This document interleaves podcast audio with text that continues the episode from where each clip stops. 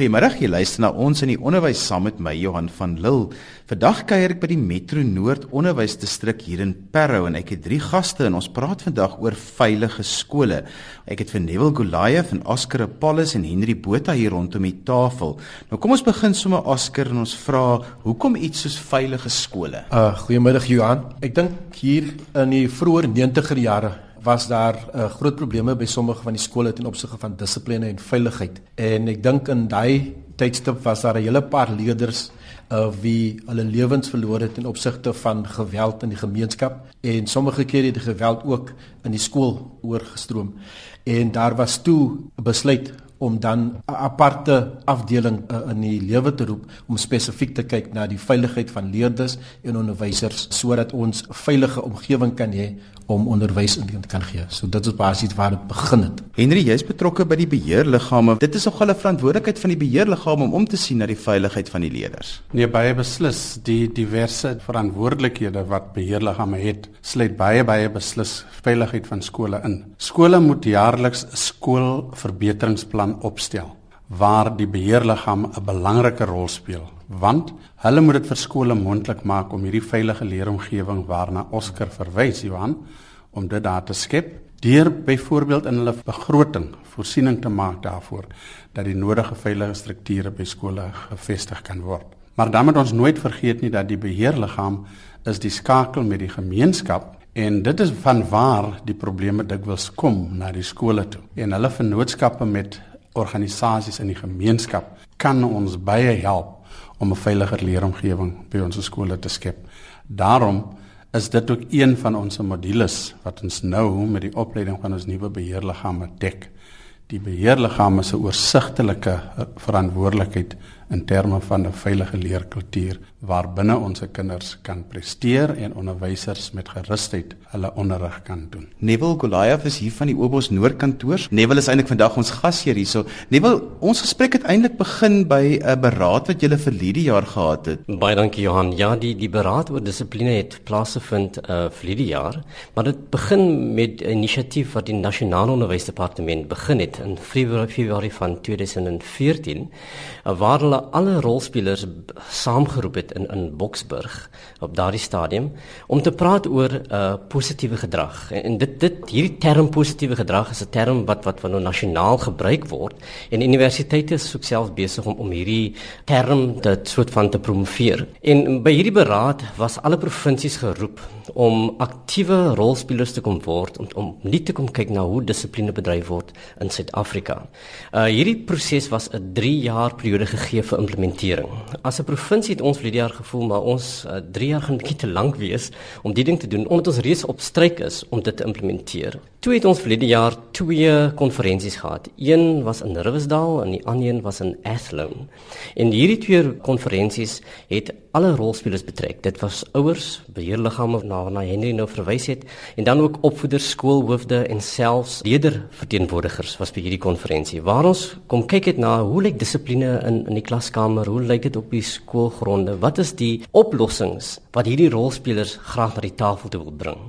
Ons het opnuut kom kyk na hoe beleid rondom veilige skole en ook skooldissipline lyk Is hierdie beleid effektief? Wat is dit wat ouers en opvoeders graag sou wil voorstel wat ons anders kan doen om om hierdie situasie te kan hanteer? 'n Luisteraar sal ook weet dat baie van die beriggewing in die nuusblaaie en op die radio en die televisie berig oor uh negatiewe ding wat by skole plaasvind. So daar is 'n wesenlike probleem by baie skole dat geweld iets is wat amper instinktief by kinders gebeur omdat ons in gemeenskappe leef wat uh, nie los kan gemaak kan word as die skool van die skool wat ook 'n gemeenskap op sy eie is nie. Daarom moet ons as opvoeders en uh onderwys opnuut kyk na hoe dissipline bedryf word in die klaskamer en op die skoolgronde.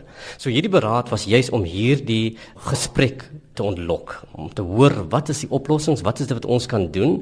As onderwysdepartement wil ons nie glo dat ons al die antwoorde het nie want die oplossings lê baie keer in gemeenskappe. En die gemeenskappe is juis die persone of die mense in die gemeenskap is juis die persone wat hierdie aktiewe rol kan speel om dit te kan bekamp Oscar, jy is die bestuurder van Veilige Skole die projek. Wat behels dit en wat word gedoen om skole veiliger te maak van julle kant af? Dankie Johan. Veilige Skole het 'n drieledige strategie wat hulle toepas. Ehm um, die eerste groep programme wat ons het spesifiek om die omgewing aan te spreek. Dis nou 'n jammerte dat 'n mens moet sê dat en soos genoem is uh, in baie gevalle vind ons dat die skole se grootste uitdaging is van die gemeenskap waarin skole hulle bevind. En ons moet dan deur die eerste um, lid van hierdie strategie sorg dat daar genoegsame heininge om die skole is, die alarms en so meer. Met ander woorde, ons moet 'n omgewing skep binne die skool om die leerders en die onderwysers as dit ware te beskerm van die gemeenskap.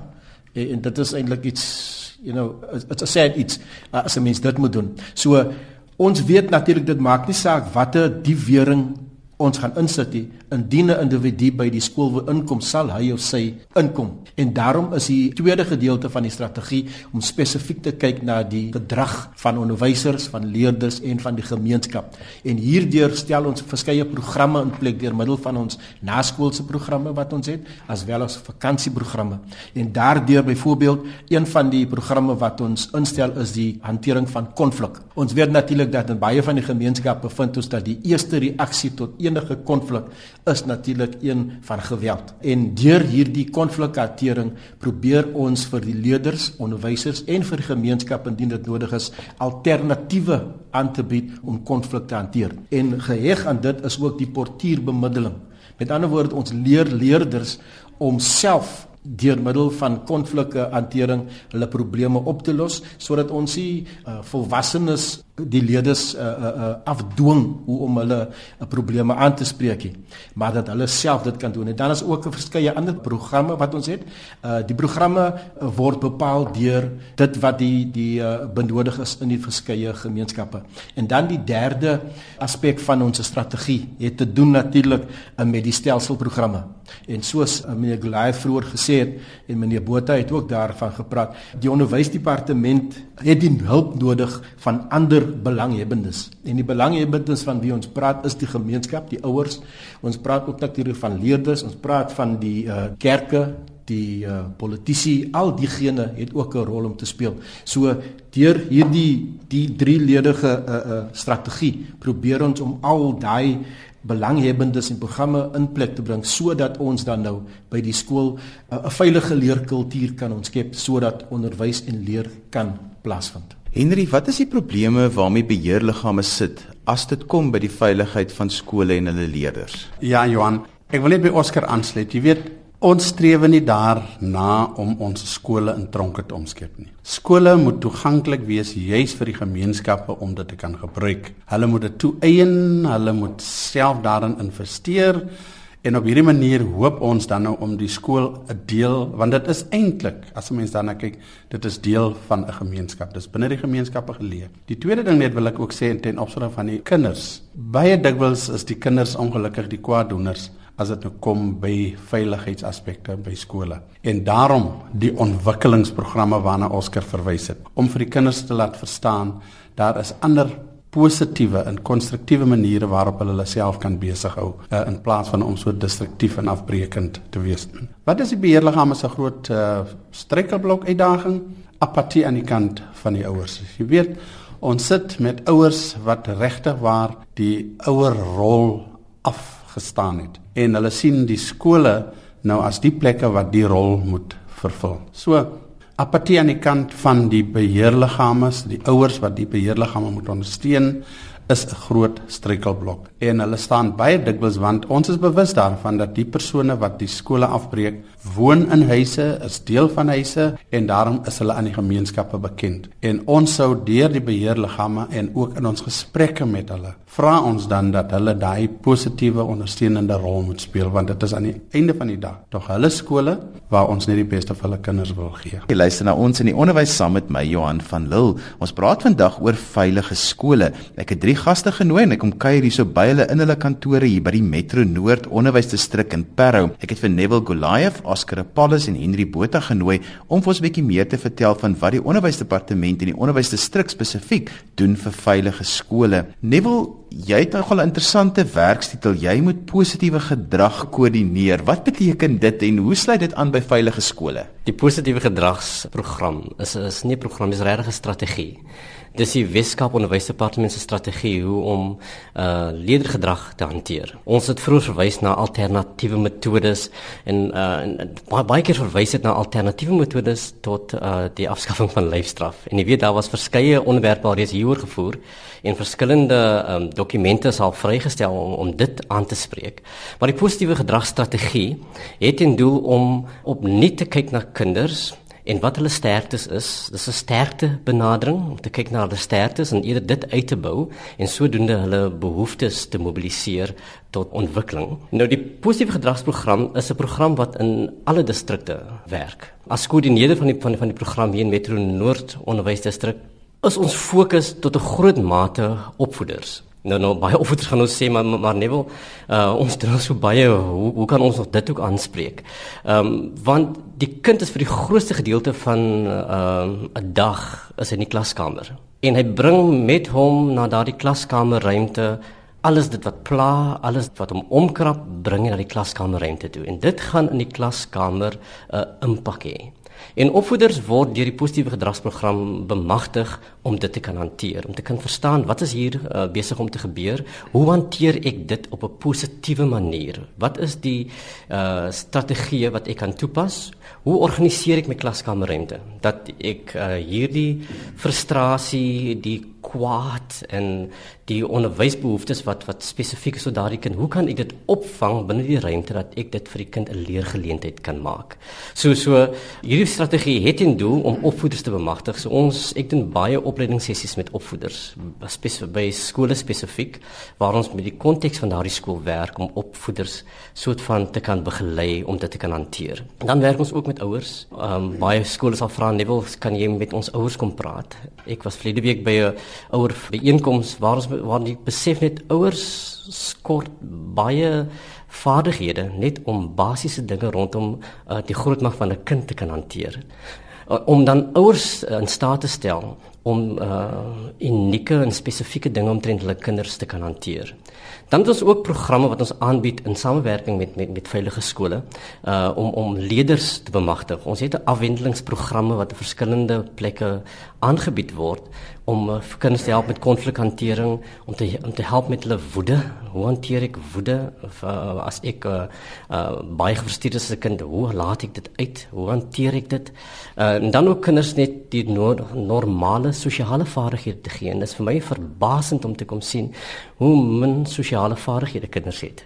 En dit is waar ons baie keer konflik op 'n op 'n speelgrond het waar kinders net nie weet hoe om mekaar te speel nie en dan raak dit 'n groot geveg en, en dan raak dit 'n ongelukkige geveg waar kinders in baie opsigte baie uh, seer kan kry. Die ander aspek van hierdie program is ook om skakeling te hê met uh, gemeenskapsorganisasies of nie-regerende uh, organisasies wat wat wat ook uiters goeie werk doen in gemeenskappe en ek dink ons almal doen ons klein dingetjies op ons eie.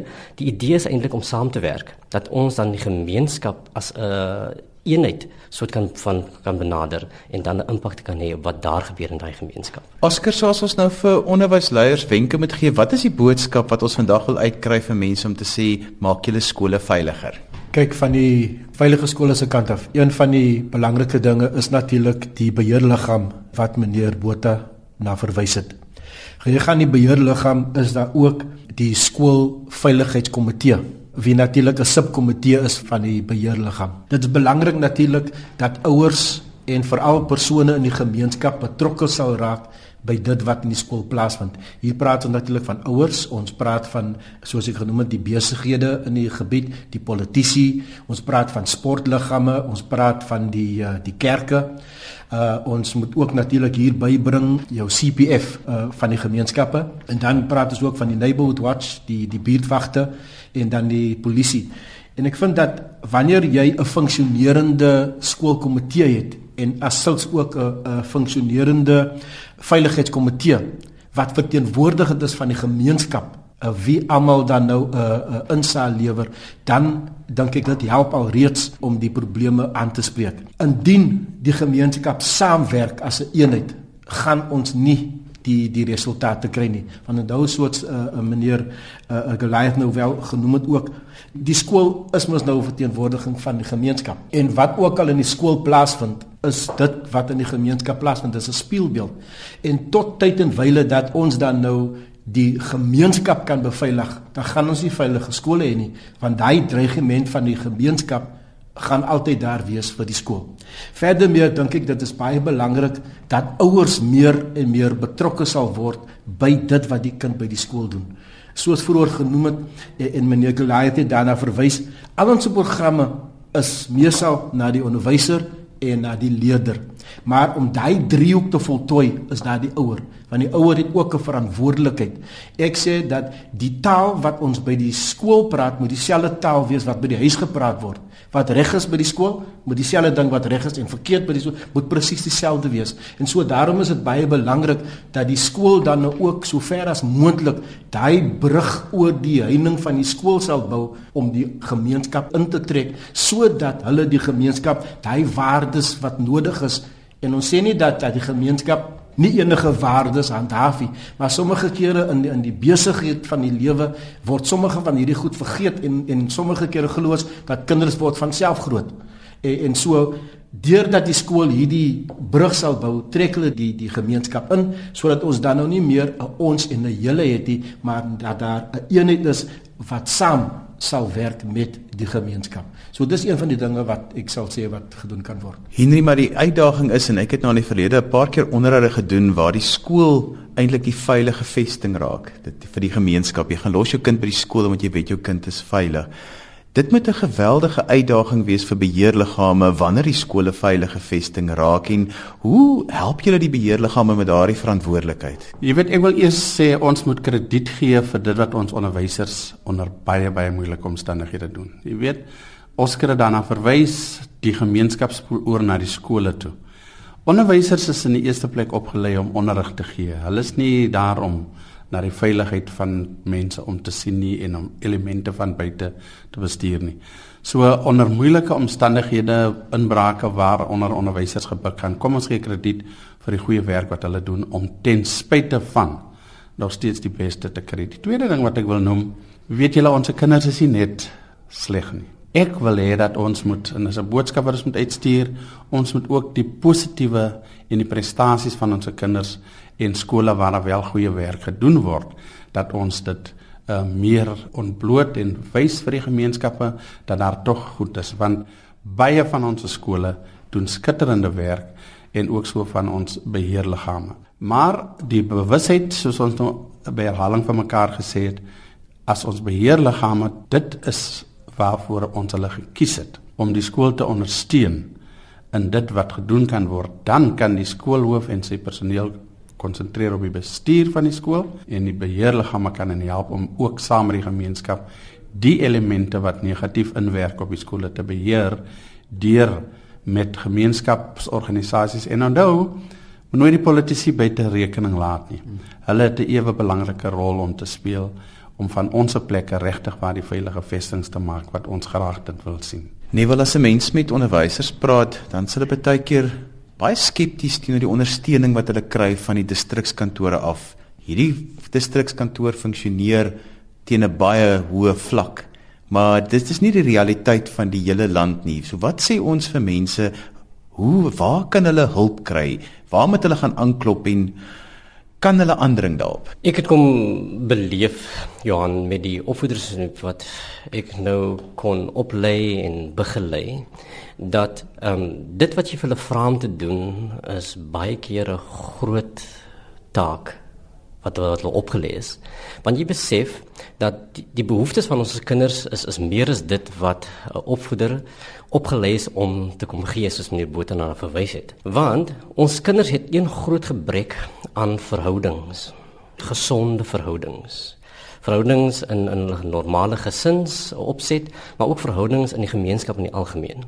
En en waar daar gebrek aan verhoudings is, gaan jy agterkom dat daar 'n groot behoefte is om aan om te wil behoort kinders het uh, daai behoefte hulle behoort nie regtig in in gesinne of aan die gemeenskap nie. Dit 'n tipe die woord is uh, alienation is die Engelse woord waar waar hulle nie waar hulle sê waar pas hulle presies in nie. En dit is die die een ding wat opvoeders gevra word om vir kind te kom gee in 'n klaskamer. My kind, dis jou klas, dis waar jy behoort en ek gee om vir jou. En om om 'n kind te kan ooreed dit is eg en dit is wat die juffrou of die meneer graag vir my wil gee, is die is waar die taak begin. Ons het verwys na baie programme wat wat ons doen. Nou programme verander nie mense nie mense vir ander mense. En en en dit is die element wat wat in in al hierdie programme vir ons stel om te wees. Dis die goue draad wat deur elke positiewe gedragsprogram behoort te strek. Dit is die bou van verhoudings. En dit is waar dit vir, vir opvoeders 'n taak waar raak wat bietjie groter is wat hulle gedink het sou wees. Want nou vra ons van hulle regtig om teenwoordig te wees in die lewe van daardie kind om daardie groot mens te wees wat daardie kind daardie valskerm gee dat hy die sagte landing kan hê. En en baie van ons se kinders in gemeenskappe hier rond ons in die Weskaap uh, het nie valskerms nie. Hulle val, hulle spring sonder valskerms en daarom het ons baie tragiese uh, gebeurtenisse by skole waar ons hoor waar kinders sterf aan die hand van geweld en aan die hand van 'n ander kind. En en en dis dis egter die groot probleem wat ons het. Dat kinders nie gesonde verhoudings in hulle lewens het nie en veral nie verhoudings waar volwassenes twee voet staan binne 'n verhouding met hulle nie. So so hier raak dit vir opvoeders baie baie moeilik om te kan hanteer. So hierdie program wat 'n program wat ons aanbied uh en vir skole het juist in doel om te kyk hoe kan ons skole as 'n geheel skool ontwikkel om dit vir 'n kind te kan gee want die uh wonder wat plaasvind in die klaskamer moet ondersteun word deur sisteme en stelsels buitekant daardie klaskamer en dit sluit in nou die groter skool stelsel wat daar moet uh, in plek wees soos 'n uh, gedragskode wat ook die verantwoordelikheid is van ouers of skoolbeheerliggame om in plek te stel dat daar 'n gedragskode is wat spreek tot die kultuur wat ons graag by 'n skool wil hê. So jy gaan agterkom dit wat ons met met, met opvoeders doen vra eintlik meer want nou spreek jy stelsels aan en hierdie stelsels stelsel strek dan verder as die skool. Nou praat dit ook van wat by 'n ouerhuis moet gebeur. Ons moet dan 'n kultuur skep vir 'n bepaalde skool en om kultuur vir 'n skool daar te stel is iets wat jy nie skielik en vinnig kan doen met 'n program nie. Jy kan slegs bewerkstellig deur verhoudings daar te stel. Dis en alwaar vir ons tyd het vandag. Dankie dat jy na ons in die onderwys geluister het. Ons onderwerp vandag was veilige skole. My drie gaste is van die Metro Noord Onderwysdistrik in Parow, Neville Goliath, Oscar Apollos en Henry Botha. Indien jy meer inligting oor die program wil hê of my gaste se kontakbesonderhede, skryf gerus vir my 'n e e-pos by www.co.za, dan sal ek dit vir jou aanstuur. Dankie dat jy na ons in die onderwys geluister het hier op RSG 100 tot 104 FM. Tot volgende Sondag vir my Johan van Lille. Totsiens.